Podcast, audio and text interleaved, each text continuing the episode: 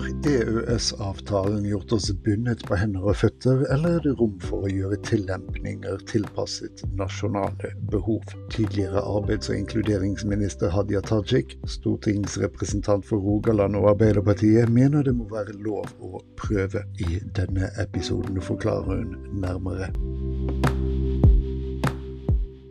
Vi har lenge lidd under en slags berøringsangst når det kommer til EØS-avtalen. Kanskje pga. forestillingen at den er hugget i stein. Men eh, Hadia Tajik, du har tatt til orde for at den gir rom for diskusjon om hvor grensene egentlig går. Er vi rett og slett for flinke og forsiktige her i landet? Jeg vet ikke om det er fordi vi er for flinke og forsiktige, eller om det er eh, fordi vi er redde og engstelige og ikke har lyst til å si, eh, legge oss ut med noen eller teste noen grenser. Eh, men det kan òg være et element av at man ikke har nok kunnskap heller om hvor grenseoppgangene egentlig går, og at det gjør at man blir mer tilbakeholden med å diskutere hva slags løsninger er det mulig å få til innenfor rammene av EØS-retten og ikke. Jeg skulle i hvert fall ønske at vi som nasjonale politikere ble mye flinkere til å ta hele det rommet som vi tross alt har.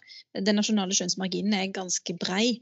Eh, man har jo ikke med EØS-avtalen ønska å frata nasjonale politikere muligheten til å kunne styre utviklingen i landet sitt.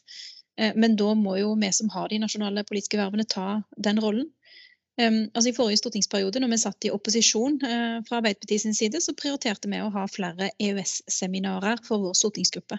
Og Det handla nettopp om å forsøke å skulere oss sjøl og kollegene våre på uh, å ha uh, dette mye mer innunder huden enn det vi har, har pleid å ha. Men vi har jo sett en rekke eksempler på EU-land som selv tar seg litt til rette og, og, slipper unna med det. Man ser i hvert fall at det er eh, andre land i Europa som, som, tør å teste grensene litt, og som kanskje får de Eh, en liten kjennepreken, og så må de trekke seg litt tilbake eller finne en annen innretning på forslaget sitt. Men eh, det er jo ingen grunn til at Norge ikke òg skal være et av de landene som forsøker å eh, finne ut hvor handlingsrommet til Norge eh, er, hvor grenseoppgangene tross alt går. Det er eh, stort sett ikke verre enn at man har eh, si, noenlunde kontakt med f.eks. ESA underveis mens man jobber med konkrete politiske forslag i Norge. De er mer enn villige til å gi den veiledningen som trengs for at man skal klare å lande forslagene på en god måte. Nå finnes det jo krefter som eh, ønsker å reforhandle eller kanskje til og med skrote hele EØS-avtalen dersom EU eh, e ikke alltid danser etter vår pipe.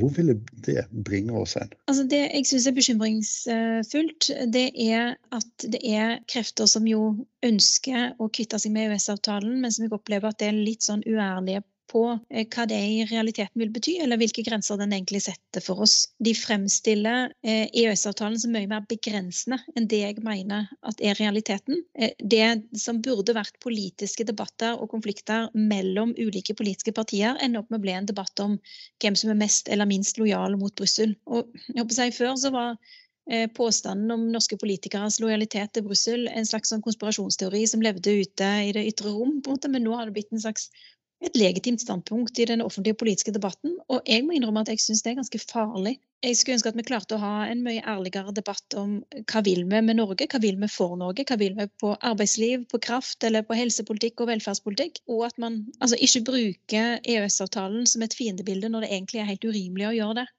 Jeg har ikke lyst til å male noe sånt der skremselsbilde av hva, vil, hva, som vil skje med Norge hvis vi sier opp EØS-avtalen. Jeg mener at det holder i massevis å se på hvordan de har det i Storbritannia akkurat nå. Det har påført de eh, store utgifter, mye byråkrati og ingen av de løsningene som eh, det britiske folk ble lovt i forkant. Det var jo både gull og grønne skoger og bedre helsevesen som var noen av, av løftene. Og, og, sånn har det jo åpenbart ikke gått. De har ganske store utfordringer som bare har forsterka seg. Både med tanke på økonomisk ulikhet, eh, men òg eh, med tanke på eh, det å ha den eh, tilgangen som de har pleid å ha i det europeiske markedet. Du har jo eh, allerede brukt det som et eksempel på hvor galt det egentlig kan gå. Så er en kronikk du nylig skrev.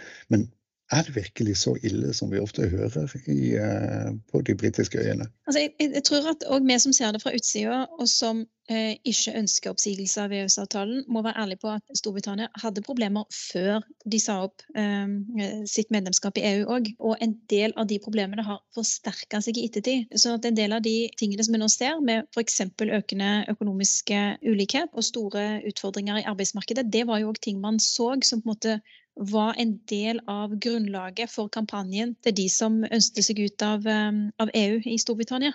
Sånn at En del av de ettervirkningene som vi ser fra brexit, er jo ting som hadde forgreininger lenge før.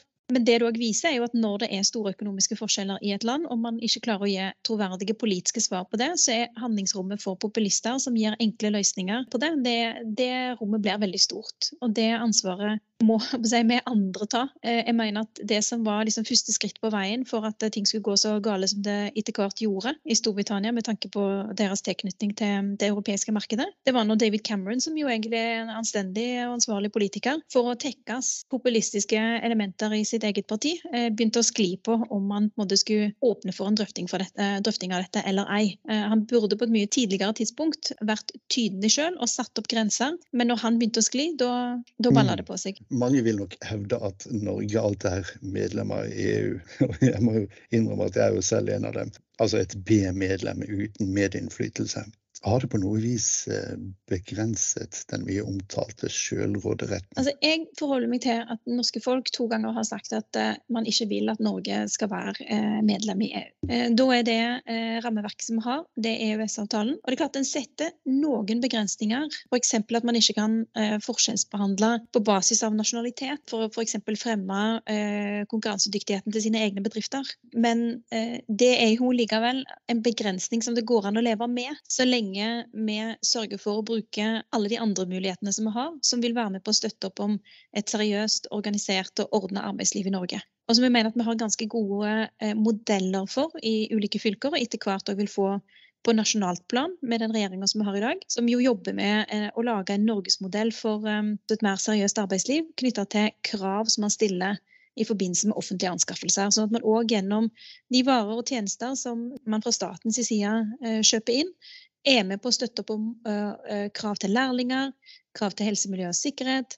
Uh, altså krav som i det hele tatt er med på å gi norske bedrifter et konkurransefortrinn uten at det egentlig handler om at de er norske, men som handler om at de har uh, ryddige og ordna forhold. Og den måten å jobbe på, det, det er et ansvar som påhviler oss som nasjonale politikere. Du, de fire frihetene har fått veldig mange til å betrakte EU som et instrument i kapitalismens hender. Men uh, har vi noen gode eksempler på at den forestillingen er feil? Altså, Forutsetningen for at den forestillingen skal være feil, er etter min mening at vi må bidra til at man har de reguleringene man trenger for at konkurransen som de fire frihetene legger opp til, skal være mest mulig rettferdig. Jeg kommer i hvert fall fra et parti som er opptatt av at man skal ha den type markedsregulering som det innebærer, og det er et ganske stort handlingsrom for å få det til. Et, uh, vi snakket jo om norgesmodellen, men et annet eksempel fra arbeidslivsfeltet er jo innstrammingene som er gjort på bruken av innleid arbeidskraft. Som jo på ingen måte gjør, uh, er noe totalforbud mot bruk av innleie. Det vil fortsatt være adgang til å uh, kunne bruke innleide arbeidstakere, men det vil være noen si, mer begrensa ventiler for i hvilke situasjoner man kan gjøre det. Det kan f.eks. være i forbindelse med et vikariat. Kan man leie inn noen til å fylle det vikariatet? Eh, men òg at vi gir en, en, spesiell adgang til fagforeninger med innstillingsrett om at de kan være med på å inngå avtaler om bruk av innleid arbeidskraft. Eh, og fagforeninger med innstillingsrett har en spesiell posisjon i, i Norge, i norsk arbeidsliv.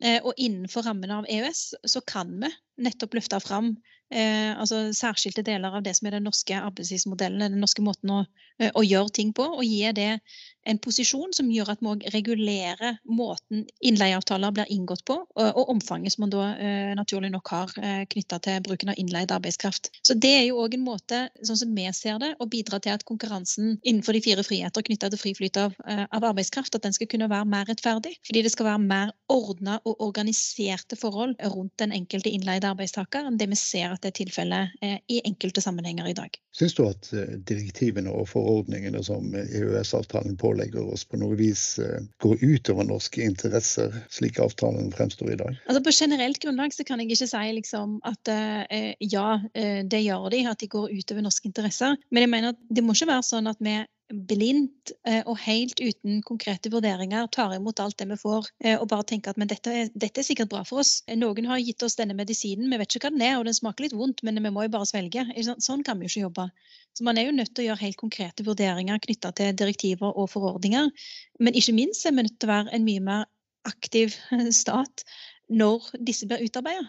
Altså, vi er nødt til å være til stede, eh, påvirke på den måten vi kan, via eh, land som vi har eh, mye kontakt med, eh, når, det på en måte er veien å gå. F.eks. når det var en del diskusjoner knytta til minstelønnsdirektivet, så var det naturlig for oss i Norge å ha kontakt med våre venner i Sverige og Danmark. for de hadde tilgang på en del fora, en del rom der vi ikke kunne være til stede, men, men der Sverige og Danmark jo var opptatt av de samme tingene som vi var. De kunne forfekte det standpunktet som, som vi òg sto inne for. Og så må vi jobbe i forkant. Jeg har jo eh, vage erindringer også om dette eh, beryktede datalagringsdirektivet i sin tid, som eh, mm. Norge nokså ukritisk sluttet seg til. Men det viste seg jo til syvende og sist at det var EU som eh, skrotet det. Mm.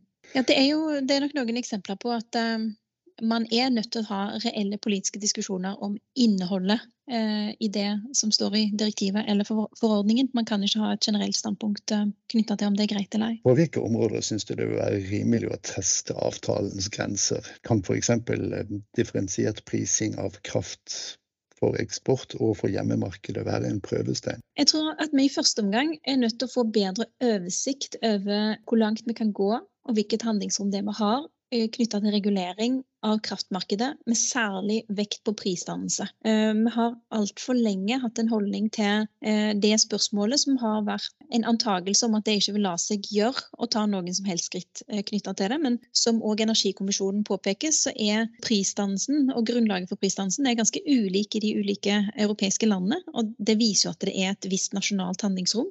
Men at man er nødt til å drøfte hva det handlingsrommet faktisk er for noe. Hva slags endringer vi kan gjøre fra norsk side, som har, også har betydning for prisdannelsen hos oss. Det fins ingen enkle svar her. Og jeg kommer ikke til å være fanebæreren for de som sier at hvis du bare trykker på en knapp, så bare løser alle problemene seg. Men jeg mener at ja, men vi er nødt til å jobbe uh, kunnskapsbasert. Uh, og vi er nødt til å ta det nasjonale politiske ansvaret, særlig vi som jo er for et europeisk samarbeid. Jeg er jo selv medlem i Europabevegelsen, og jeg mener at det bidrar òg til avtalens legitimitet. Uh, at vi hele tiden er villige til å utforske hva den nasjonale skjønnsmarginen og det nasjonale handlingsrommet er i den enkelte sak. Med det sier vi tusen takk til Hadia Tajik og til deg som hørte på. Husk også å sjekke arkivet med tidligere episoder. Du har hørt 12 minutter Europa, og jeg heter Jarle Petterson. Vi høres. Husk å abonnere på podkasten, så får du et varsel når vi slipper nye episoder. Og ikke glem å følge Europabevegelsen i de sosiale mediene, for som vi alle vet, det kan aldri bli nok Europa.